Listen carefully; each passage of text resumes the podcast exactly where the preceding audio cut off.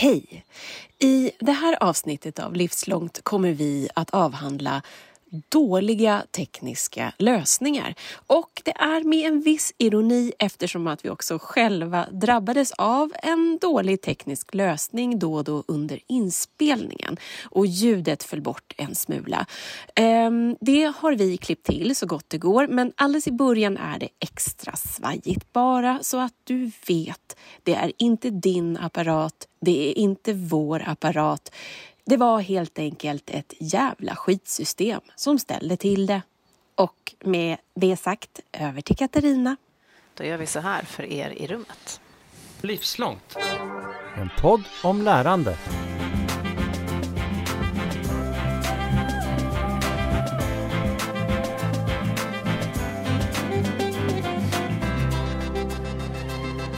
Jaha, Micke Kring, när var du senast frustrerad över något i din dator? Igår. Jaha, vad händer med dig i ett sånt läge? Oftast försöker jag lösa problemen det börjar klia kroppen och sen så reser man sig upp och gör någonting helt annat och sen kommer man tillbaka och förhoppningsvis så löser det sig då. Mm.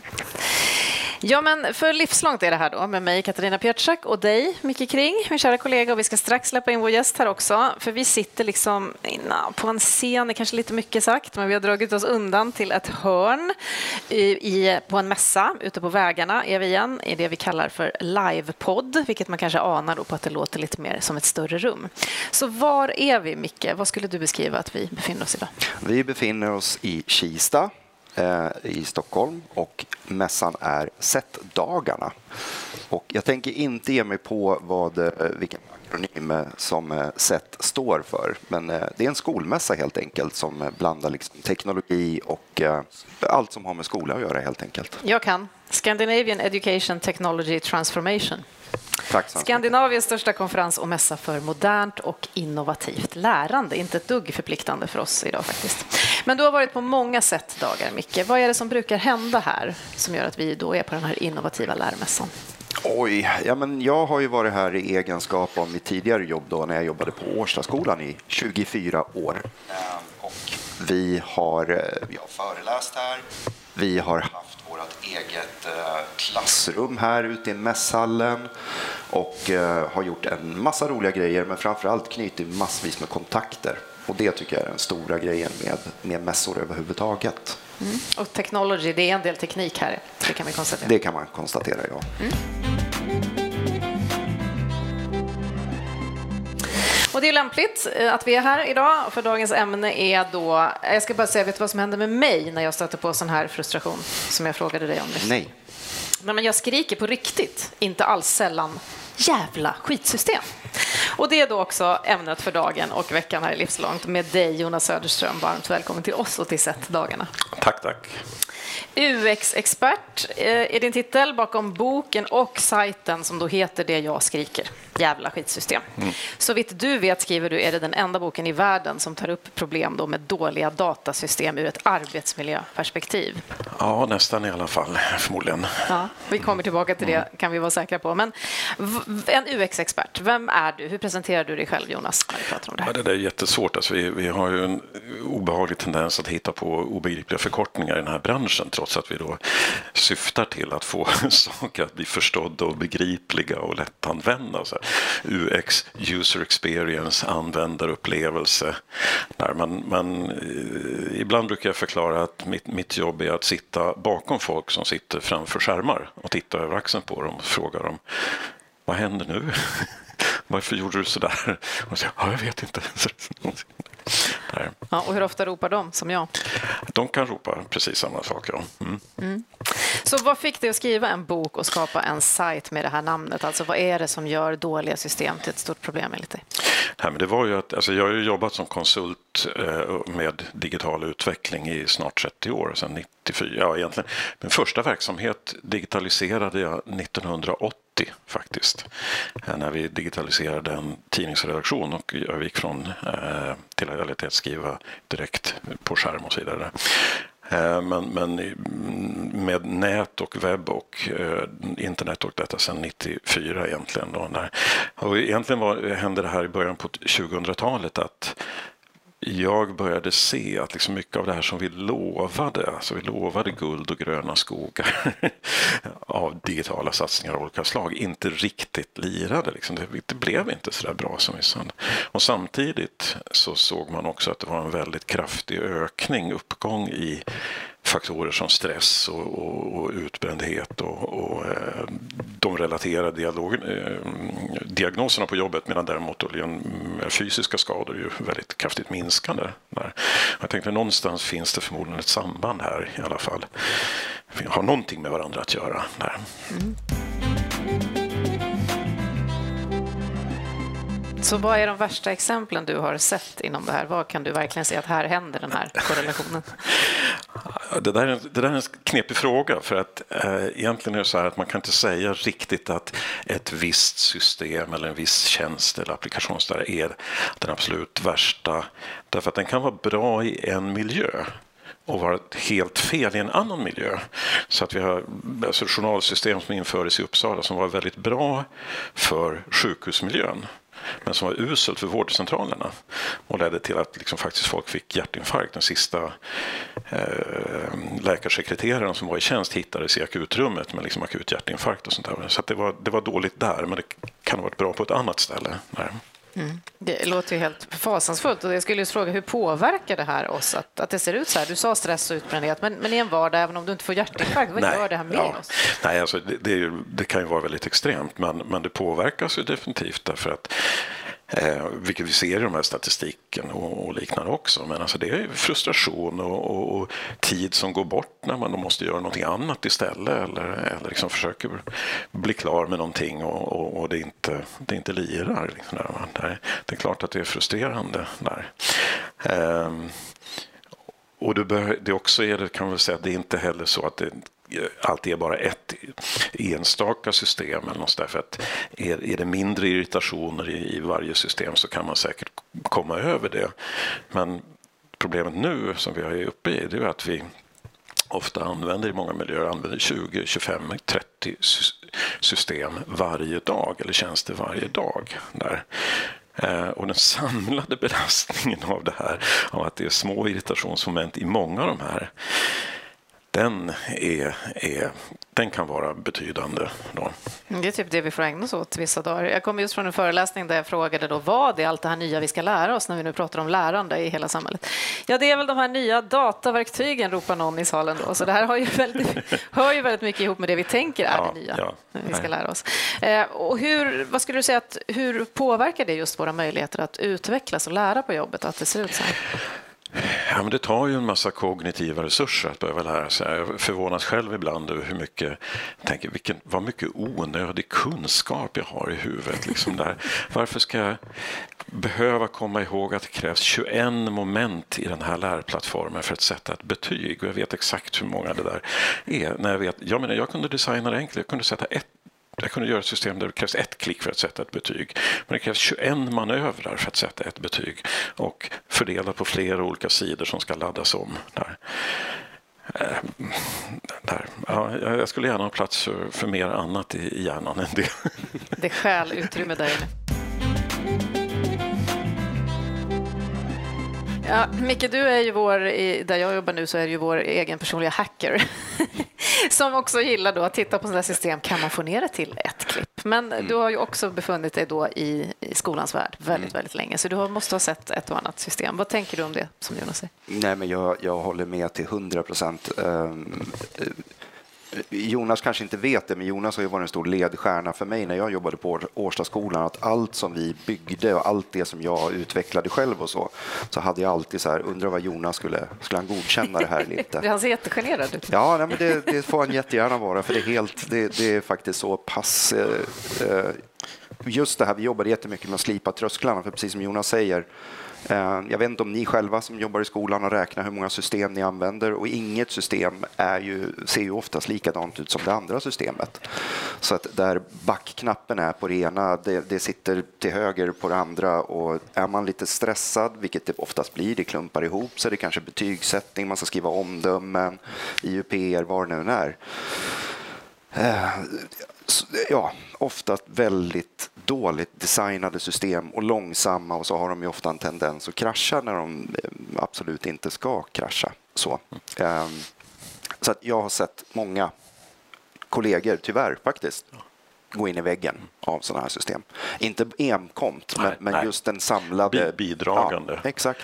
Och det, det, det, som är så tragiskt är det, men det finns enorma utmaningar i skolan som vi har svårt att hantera. Jag menar med, med, med, elevunderlag och jag menar massa, massa sådana här saker. Som, som där. Men det finns några saker som vi skulle kunna fixa som egentligen borde gå att eliminera och det är alla de här störningsmomenten. Om vi kunde få bort det så skulle vi kunna ha också mer, mer kraft till att ta, ta oss an de verkliga utmaningarna. Där. Och det är ju det som är så Ibland känner jag det här att det är den här som håller upp en där plakaten, den demonstrationen där det står liksom I can't believe I'm still protesting this shit. där. Um, man får en önskan och ropa någon välvalsfordom igen då, att det ser ut så här. Men vi ska försöka se vad det är som ni tänker att man skulle kunna göra. Men först bara, ni säger att det kan vara fel system på fel plats, om jag tolkar saken rätt. Men vad karaktäriserar annars ett riktigt skitsystem?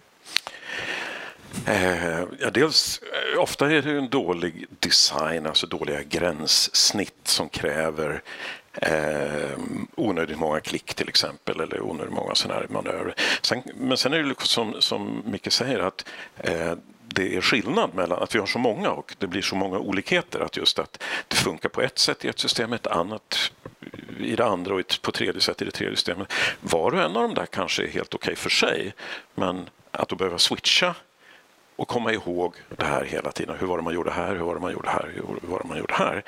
Det är en belastning. Och sen har vi naturligtvis den tekniska sidan också, att det, det, om de är instabila och kraschar och... och eh, Buggar, tycker jag. Eh, man, och man dessutom då konsekvensen är till exempel att man förlorar data, att man förlorar saker man har skrivit in eller liknande. Eh, det finns ju en katalog av liksom förbättringar eller problem. Eh, det här med att, att också till exempel att inte kunna ångra saker om man har gjort någonting, att inte det går att göra om om man har gjort fel. Eller problemet med att vi får, man får dålig feedback. Man registrerar någonting, ett betyg kanske, och sen så ser man inte, blev det, tog det? Liksom, eller, är jag klar nu? Liksom? Mm. Där, ja. Ja. Vad säger du, Micke? Har du några karaktäristika att lägga till? Ja, alltså jag skulle, det som jag har slagits rätt mycket för i, eh, i skolvärlden när jag tittat runt om, det är ju också att de många digitala system ger inget mervärde heller. Eh, om vi tar till exempel som betygs, eller vi tar frånvaroregistrering som en sån extremt vanlig grej. Eh, vi gör ju på exakt samma sätt som för 25 år sedan när jag började skolan, fast då gjorde man det med penna och papper. Visst, Föräldrarna kan få ett sms när eleven är borta men lärarna har ingen tillgång till realtidsstatistik eller att det plingar till någonstans att eh, okej, okay, Nisse är borta på villovägar här eller någonting. Ehm, eller att vi kan se trender. Jag, jag hackade ihop en sån lösning under corona när vi behövde ha realtidsstatistik. Hur många elever är borta i den klassen? Oj, här verkar vara många som är sjuka. De ska inte komma och äta i matsalen då. Och det var 14 klick för att ladda ner en pdf då med, med, eh, där det bara rabblade namnen som jag satt och förde in en i, i en Excel-fil. Sen kom jag på att där kan jag koda ihop. Så att ett program, eller jag hade en gammal dator som stod och mm. gjorde det där var femte minut och byggde en hemsida med trender och allting. Ehm, men det är just det, att det, det tillför inget mer. Man har bara tagit pappret och digitiserat det och sen och, och, det är också den som jag märker frustrationen hos användare, ofta lärare då, eller rektorer. Att, men varför gör vi det här? Varför ska jag sitta och hålla på med de här grejerna? Vad, vad får jag tillbaka som användare? Jag får inte tillbaka något data. Ja, det, där, det där är ju en, en väsentlig del därför att jag brukar säga egentligen att mycket av det som eh, när vi pratar om att vi, vi har digitala system för att förenkla saker där så är det inte riktigt sant längre därför att vi hade det. Alltså de första digitala systemen kom på 70-talet. Även inom sjukvården till exempel elektroniska patientjournaler som är från 70 80-talet. lönesystem och sånt där. Det som sparade enorm tid från eh, att man hade rader av kontorister som satt med räkneapparater här. Då, Det där var liksom lågt hängande frukter som vi, vi, man hämtade hem, skapade enorma produktivitetsökningar och effektiviseringsvinster sen. Men man får inte glömma bort alltså, vad, vad digitala lösningar är är att de är möjliggörare. De möjliggör saker. Och de möjliggör en del saker som är bra och som är nyttiga. Absolut, visst. Ehm, men de möjliggör också till exempel ökade möjligheter för byråkrati och för styrning och för kontroll och övervakning. Mm. Och det här är, det här är mumma för liksom en byråkrati, byråkratiapparat. Alltså, ja, men nu kan vi, göra, kan vi få in de här, vi kan göra det här. Vi kan mäta det här. Vi kan mäta det här, vi kan kontrollera allt det här. Ehm, så att Eh, en lång rad sådana här saker som då verkligen inte tillför något värde för användaren i slutändan, slutanvändaren, läraren eller eleven för den delen. där. Men eh, tillfredsställer en växande klass av, av byråkratisk administration. Så på det sättet har, har ju verkligen alltså, den digitala tekniken då inte längre förenklar utan bygger på med saker som var och en för sig i och för sig kan vara motiverad. Liksom. Det är inte en fråga om någon är ond som vill göra det här för att skada. Utan alla sådana här saker drivs av någon sorts ambition att det här kunde vara bra på något vis. Men... Och är det bra hos oss så är det bra också på... Jag tänker att vi har ju pratat tidigare mycket om det här att one size fits all, mm. om vi nu är på offentlig sektor. Mm. Då köper vi in system som ska passa alla i en kommun till exempel. Vad, hur stort problem är det, skulle du säga? Nej, jag, jag kan inte svara för, men, men om man tittar runt i skolsverige så tycker jag just det här att köpa IT på burk som vi brukar säga, att det är så här, jo men det här använder man ju i 14 andra kommuner och ingen av de 14 kommunerna tycker att det är bra heller. Eh, så då måste ju vi använda det. Men, men eh, jag vet inte, jag har lite svårt för det och det är därför jag tycker också att man måste involvera er som sitter här inne till exempel, det är ju ni som kan verksamheten bäst. Och jag skulle vilja se att man utvecklar IT eller liksom digitalisering och system utifrån de processerna som faktiskt sker. Mm. När ni gör ert jobb, hur kan man, hur kan man hjälpa dem, mm. er där ute? Mm. Liksom? Mm. Men det känns mer bara som nu är det så här checkboxar. Systemet ska kunna göra de här sakerna, check, check, check. Inte hur ni ska kunna göra de grejerna. Och sen som du pratar om också, är det ens motiverat? Behöver vi verkligen bara för att vi kan. Väldigt många av de här systemen också, även lärplattformar och sånt som jag har sett och som jag har fått, eh, om jag har arbetat med och studerat, det känns ju också att de gapar över alldeles för mycket. Alltså de försöker göra allting eh, och det blir väldigt många features och det blir väldigt många klick och det blir väldigt många sidor. Och så där. Så jag menar, men det här, det hade räckt med en blogg. Det hade räckt med ett enkelt bloggverktyg. Liksom det hade löst 80 procent av det här till, till 10 procent av kostnaden och till, till 1 procent av, av frustrationen. Här. Mm. Vi ska strax eh, vidga från skolans värld, men om vi nu är på lärplattformar så har det funnits en del flagranta exempel som väl inte har undgått någon. Stockholms skolplattform har det skrivits väldigt mycket om. Jag har tre barn, jag har haft dem i tre plattformar. Ingen är bra. Eh, eh, varför? Vad är det som gör att det blir så här pass dåligt i någonting som ska underlätta? Ska vi prata om livslångt lärande? ja, tack. Ja. Um, ja, alltså som jag har en stark känsla av att, att um, det finns en väldig rush för att utbilda utvecklare uh, och vi ser annonser i tunnelbanan. Liksom, eh, gå vår eh, sex veckors utbildning för utvecklare. Vi garanterar dig jobb med en lön på 30 000 efter detta. Mm. Bra utvecklingsmöjlighet för, för några men samtidigt kan vi säga att de som har gått den här kursen på sex veckor eh, om de söker jobb på Spotify så får de inte det. Om de söker jobb på Google så får de inte det. Eh, Men om de söker jobb på Stockholms stad? När de sen kommer längre och längre ner i listan så har vi kanske de här företagen som bygger ett system för livsmedelsinspektörer i kommuner eller det lilla systemet för bilpooler eller det lilla systemet för någonting annat. Eller någonting där. Och någonstans där i trakten där har vi nog en del lärplattformar och en del andra verktyg också. Där. Och det tror jag tyvärr är en av anledningarna till det. Jag menar, det är inte jättesexigt att göra saker för offentlig sektor. Eh, eller har inte varit i alla fall i techvärlden. Så att säga. Och det tror jag är ett av skälen.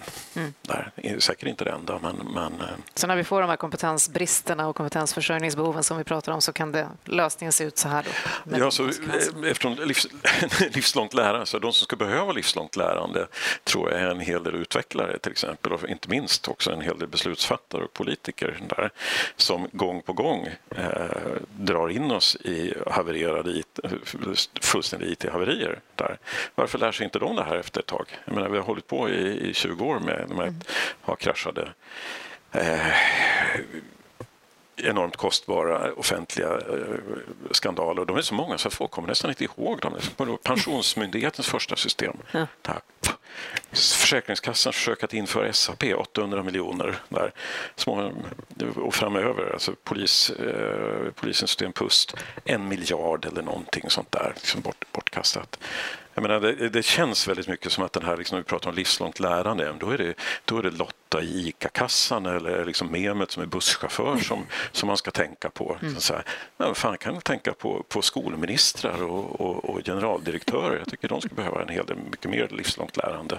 Fniss och tysta applåder i rummet. Mm. Ja, som skattebetalare vill man ju igen skrika något väl valt. Men det intressanta är ju, tycker jag också då att du pratar om det livslånga lärandet när, tillbaka till oss som sitter framför en skärm där du sitter bakom Jonas. Det som ju ofta händer, förutom det ni redan har varit inne på, vad är poängen med det här? Varför ska jag fylla i det här? Det är ju att jag tänker, och det tror jag då att du kommer bekräfta nu, ett, gäller fler. Det är jag som är dum. Det är ja. jag som inte fattar. Jag fick faktiskt i ett möte häromdagen höra, ja alla andra tycks ha förstått det här, när jag frågade. Eh, vad gör det här liksom med oss rent så här mentalt när vi ska försöka förstå och så är det jag som är dum i huvudet? Ja, nej, men det, det är ju en jätteobehaglig känsla att, att tro att det är jag som är dum. Där. Eh, för något år sedan så var det, tror jag, mm, TCO tror jag hade, gjorde också någon undersökning som man frågar efter varför folk ville gå ut ur arbetslivet i förtid, alltså inte ända till pensionen utan liksom vid, 58 eller så här, liksom, varför vill du sluta nu? Liksom ett vanligt svar är så, ja, men jag har varit med om tre byten av ekonomisystem, jag orkar inte med till. Där. Mm. Vad ska det vara bra för? Och jag menar, det, det är ju inte bra i ett läge där vi vet att vi alla måste jobba längre för att försörja eh, ekonomin eh, till exempel. Men, men även, även självförtroende på andra, andra sätt. Alltså, hemskt tråkigt. Du har nämnt skolan, du har nämnt vården, vi har pratat offentlig sektor i stort lite grann. Är det några fler områden som det här verkligen är flagrant inom eller är det just offentlig sektor som nu sackar efter så att säga? Eh, nej, Uh, offentlig, vi pratar mest om offentlig sektor och det är mest synligt inom offentlig sektor därför att den är offentlig. Allt det här sker i den privata sektorn också men vi har mycket mindre insyn i det där helt enkelt. Mm.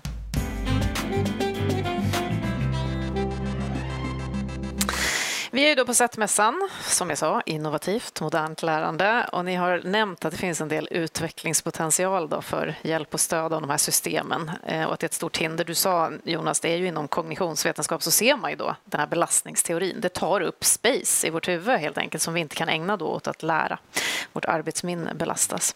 Eh, jag kallade dig hacker, Micke. Du har ju gått runt de här systemen. Så, så hur svårt är det? Alltså, vad skulle man kunna göra utan att eh, skolministern var fullt livs livslångt lärd? Åh, det där är så svårt det där, men jag, eh, min önskan är ju att, nästa, eh, att alla typ utbildningsförvaltningar, utbildningskontor och så hade ett litet gäng med typ utvecklare som tillsammans med eh, åkte ut i skolorna, tittade på till exempel lärares administrativa behov, rektorers administrativa behov och faktiskt hackade ihop lite små lösningar som går att köra ovanpå de här systemen. För det går att göra. Jag kommer från Stockholms stad så att jag har gjort en hel del sådana saker. Eh, jag var till exempel helt ansvarig för eh, alla betygen. Det är 6 000 betyg som ska tittas över och bara ses att allting ser okej okay ut. Det ska vara rättssäkert. Det liksom... Sen så gick jag till min rektor och sen så tog vi tag i de där sakerna. Där skrev jag ett skript som på en sekund kollade in allihopa gulmarkerade sånt som var fel och så. Har jag dessutom delat ut till ett antal eh, skolor, eh, rektorer som har kört det där. Det sparar enormt mycket tid och det gör att vi kan korta ner hela processen för betygen så att inte lärarna blir lika stressade över att de måste sätta betygen tre veckor innan skolavslutningen. Man kan göra det en vecka innan skolavslutningen men med ännu högre liksom, rättssäkerhet. Så. Eh, men jag skulle önska att det fanns en liten utvecklingsavdelning på varje litet kontor där man kunde sätta sig ner och jobba med alla som jobbar i skolan. Där man kunde ta den här lågt hängande frukten som du pratar om. Fasken, måste vi göra på det här viset? Nej, men, och, och det, som, det bästa som sker, alltså det, när, när, när man försöker då hitta motpolen till system som totala haverier och allt det försöker hitta saker som är bra i det, så är det ofta så att det är de här, system, det är de här jobben som har gjorts lite vid sidan av, flugit lite under radarn. Kanske när organisationen har varit upptagen med det här jättestora liksom, system så har vi någon liten grej på sidan här som någon får jobba med. Liksom så här.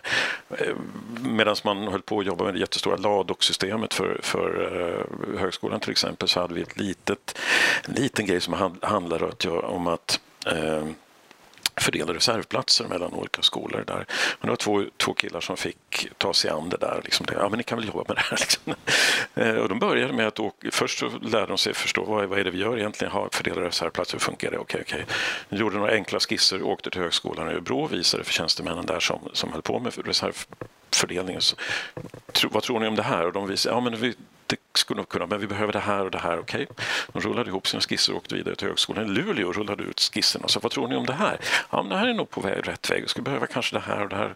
De åkte vidare till högskolan i Umeå, och rullade ut, gjorde samma sak och fick ett sånt här som folk sa, wow, det här var det bästa måndagen i, på, i, i arbetslivet när vi fick det här. Sen rullade det. Liksom här. Mm. Ehm, och, och, de små grupperna, eller liksom de som kan jobba väldigt nära, som vi kunde få, få till det så vore det fantastiskt, verkligen. Och jag tänker att det borde Micke. kunna påverka var man än är. Om du hade jobbat i vården, Micke, då hade mm. du gjort samma sak där för att du vill knäcka de här sakerna. Och du brukar ju säga, du har sagt förut i den här podden, du är ingen programmerare. Mm. Så vem kan göra det här? Vem kan, vilka kan ingå i den här lilla gruppen? Måste det vara de här sex veckor utbildade eller ännu mer? Då? Alltså de kan nog hjälpa till också om de är då i rätt miljö där man har kontakt med eh, brukarna eller användarna liksom tätt hela tiden om man jobbar på ett sånt sätt att liksom inte sitter isolerat i något hörn och, och jobbar, programmerar någonting utan verkligen kollar av hela tiden. Man, där. Mm. Vad tänker du, Micke? Nej, jag, jag håller med. Jag, jag, tror verkligen på, på um Ja, men det här i det lilla, att bygga saker som, som, eh, som ligger nära användaren hela tiden. För att vi kommer alltid sitta med standardiserade stora system som, men, och de, som ska, de ska göra allt, men de gör inte allt. Och de eh, funkar sällan väldigt bra. Ehm, men jag, jag, tänker också på andra, vi var inne på det tidigare, som ställer till lite saker också. Det är ju det här med eh, innan vi ens kan använda digitalisering i skolan så har vi till exempel lösenordspolicies Eh, där sexåriga elever ska ha åtta bokstäver, siffror, tecken och de vet knappt hur man skriver ett A. Ehm, och det som du pratade om då också, att de här systemen vill för mycket. För att anledningen till den säkerheten det är för att en sexåring ska komma åt sina pedagogiska utredningar och grejer och sånt.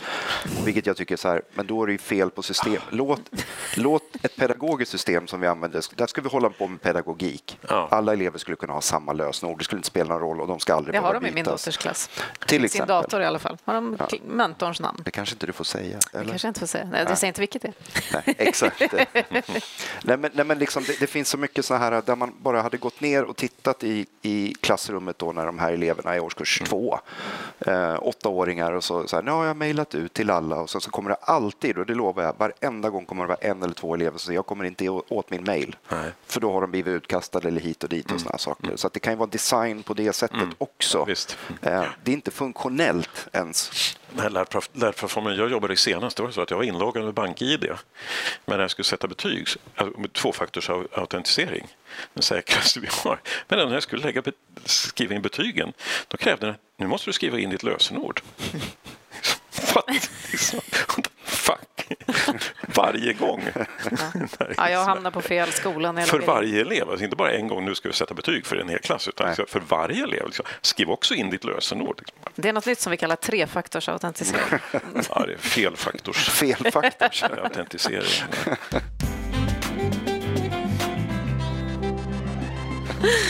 Eh, en av de vanligaste frågorna jag och vi får är ju bortom för skolan också, men även i skolan. Hur blir vi en lärande organisation? Och det kopplar till det här med livslångt lärande som du var inne på Jonas, att vi behöver tänka kring lärande på det som också sker hela tiden medan vi jobbar och hur ska vi få till det? Hur ska vi prioritera tid för det och hur ska vi liksom få det att hända? Kan man bli en lärande organisation fullt ut om man sitter med gamla skitsystem?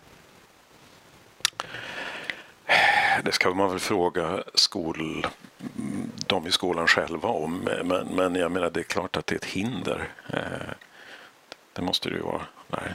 Mm. Ett onödigt hinder. Jag frågar åt en kompis. jag tänker att det är så mycket vi pratar om att vi behöver utveckla och sen så går det då den här kapaciteten, det skäl mm. vårt fokus mm. från de här och vi ska frigöra tid som vi ändå inte hade innan, mm. hur man då eh, ska få till det. Och på din sida då, sajten, så står det dessvärre fortfarande lika nödvändig. Ja. ja. Sen den förra upplagan av din bok eh, kom, så, för nu finns det en ny upplaga då. Vad har hänt ändå? Kan vi ge något slags hopp här? Går utvecklingen åt rätt håll? Alltså en del saker har definitivt hänt. för att när den första upplagan kom då 2010 så pratade man inte om digital arbetsmiljö överhuvudtaget. Där. Det var okänt. Eh, nu gör man det och nu finns det ett antal, eh, även arbetsmiljöorganisationer har börjat uppmärksamma det här. Det finns lite verktyg hos dem och så vidare. Och det finns mycket, mycket mer förståelse för det. Så att det, det eh, är bra och även det finns, man kan väl även säga att nog också att mobilrevolutionen ändå har gjort en del därför att det faktum att vi nu har många applikationer i mobilen har bara det betytt att man har blivit tvungen att liksom gör, rensa och göra liksom enklare gränssnitt och modernare gränssnitt och för att de överhuvudtaget ska få plats där. där. Så det finns ett antal sådana saker som, som absolut är, är bra. Där det som eh, oroar mig det är egentligen att vi bygger allt mer och mer komplexa miljöer där. Eh, och de som blir mer och mer sårbara och mer och mer svåröverskådliga och mer och mer svårhanterliga där. Just det här med att vi bygger in oss i, i mängder av tjänster och system eh, en, en, till en total miljö som inte är hållbar. Eh, och som också faktiskt kostar väldigt mycket energi. Det kan man glömma bort också. Där. Så det, det, är inte... Eh, alltså, AI och LLM-modeller och sånt där är extremt energislukande. Det är inte gratis att, att få ChatGPT att, att generera papegojprat eh, här utan, utan det, det, kostar faktiskt. här. Mm. Det är sånt du håller på med om dagarna? Ja. Okay. Du sitter och leker med papegojprat. Vad har du sett under åren som ändå har blivit bättre, som kan ge oss lite hopp? Nej, men jag tänkte tillbaka på det som du sa Jonas med mobiltelefoner. Det jag såg när alla de här apparna till mobiltelefoner kom eh, var ju i och med att de var ju så himla enkla. Alla, jag menar, Facebook eller Instagram skulle inte vara där de var om inte alla kunde komma igång med dem på typ fem minuter. Eh, så jag tror också att det har dels bidragit till att när man sitter med då skitsystem så känns de ännu skitigare. Klyftan har liksom vidgats. Men, men, men mm. att så här, så här, borde det ju det borde, det borde, Hur svårt borde det vara? Liksom, typ. Ja. Mm. Ja, om ni då skulle måla upp drömmen här, vad ska vi ge det för tidsperspektiv? Vad tror vi? Ett par år. Nu, vi, nu skickar vi ut den här podden med de här otroligt bekymrande slutsatserna som ni drar. Hur ser det då ut för skolans värld, men kanske också i allmänhet för alla oss i stora organisationer som faktiskt har skitsystem i vår vardag? Alltså det kommer inte att ta ett par år utan det kommer att ta 10-15 år eller någonting sånt där. Men min förhoppning är i alla fall att vi inom 10-15 år har, har liksom passerat någon sorts peak och liksom um, få, fått lite, alltså det är lite grann som det här med, med många andra liksom så här, så här, biltrafik var jättebra liksom på 50-talet. det är klart att vi ska köra privatbilism och så ett tag som mm, det finns lite nackdelar med det här. Och, rökning eller, tog lång tid att förbjuda också. Rökning, antibiotika, liksom, sånt här. Liksom, ja, men vi behöver liksom tygla den här utvecklingen på något vis och, mm. och i viss mån begränsa den på något sätt. Så men, men just det här med min, min stora farhåga nu egentligen, det, det, om man ska komma in på det, det är det att eh, den politiska ledningen, politiska styrningen. Det är ju inte så att, att vi har några liksom livskraftiga och levande liksom politiska framtidsideologier där. där kommunismen död. Liksom. Arbetarrörelsen har övergett sina. Liberalismen visade sig vara ett, ett, ett falskt varumärke. Och liksom, ja, det enda egentligen nu som, som man pratar om så att säga, som någon sorts framtidssak det är digitalisering. Alla pratar om digitalisering där. Eh, det, det oroar mig. Det nya ideologi. Där, där. Och kan inte den då hjälpa de här systemen? Är inte det bra att det ändå finns någonstans? Ja, i bästa fall kan vi väl hoppas det, att, att det, det, det kommer leda till att vi, vi, det kommer någonting bra ut av det. Där risken är att vi... Komplexiteten har också fört med sig en sak och det är brådska. Därför att när så många liksom system hänger ihop så kommer vi hela tiden ha, ja vi måste fixa det här för att någonting håller på att gå fel här. Och vi måste göra det kvickt därför att det hänger ihop med allting annat. Det är det som man ser till exempel Transportstyrelsen debacle för några år sedan liksom när de, de eh, havererade där. Så var det, ja, men vi måste fixa det här snabbt därför att vi måste få ut den här körkortsportalen snabbt. Eh, och då måste vi göra allt. Och då tog de genvägar på, på olika sätt här till exempel. Det här, eh, Eh, brådskan är, är en, en, knepig faktor. Mm. Och vi pratar ofta om den ökade förändringstakten. Mm. För en lärare då, eh, Micke, vad är din dröm? Eh, om det nu tar 10-15 år.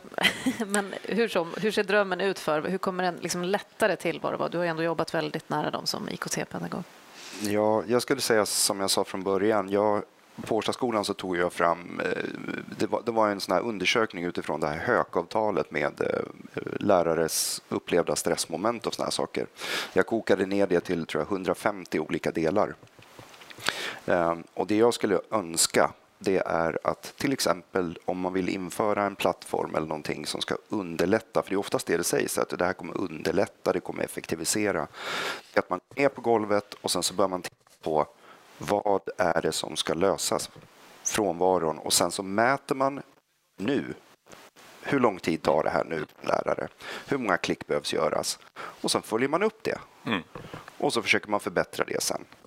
Det låter som de där eh, som åkte runt i högskolan och rullade ut sina lösningar, att lärare sen då kan få sin bästa måndag när det verkligen mm. angår deras kärnverksamhet. Ja, och, och, och det är ju, tyvärr är det ju extremt sällan som man följer upp det här och verkligen mäter. Får vi den effekt vi, vi, vi väntar oss? Får vi den, den utdelning av den här investeringen som, som vi hade hoppats? Blir det snabbare? Blir det mindre tid? Märkligt nog. Väldigt sällsynt. Mm. Och till sist, finns det någonting jag kan göra framför min skärm nu då för inte att min puls den är tillräckligt hög som det imorgon? Eller om jag är lärare, någonting medan jag väntar på den lilla utvecklingsgruppen eller på en annan sorts upphandling. Finns det någonting jag kan göra för att freda mig från det här? Andas. tänker du, Micke? Jag tänkte på någonting från din bok. Fanns det inte någon som satte, de spikade upp några eh, kuddar på väggarna som man kunde få slå huvudet i, ja. i, i, väggen? Var jo, det, det stämmer. Det stämmer. Det var på en, en svensk myndighet. Eh, de hade den. På riktigt alltså? Ja, ja. jag frågade dem liksom, men vad tjusnyggt att ni har liksom kuddar på väggarna här. Är det här liksom för, att, för att dämpa ljudet? Ja, dämpa, sa men inte, inte ljudet. Det är för att det ska göra mindre ont när vi går fram och dunkar huvudet i väggen när våra system inte funkar. De funkade inte så bra den dagen när jag var där.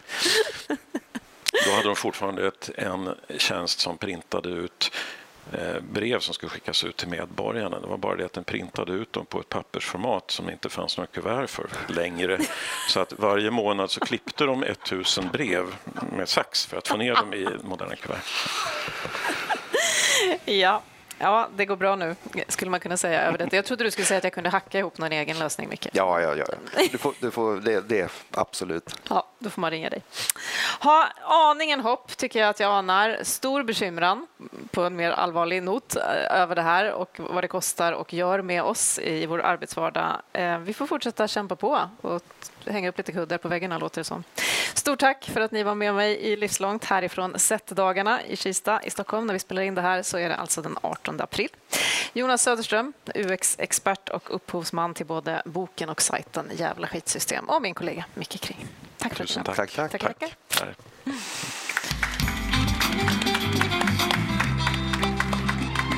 Du har just hört Livslångt, en podd från RISE om allt det där man lär sig i livet. Vi hörs om en vecka igen.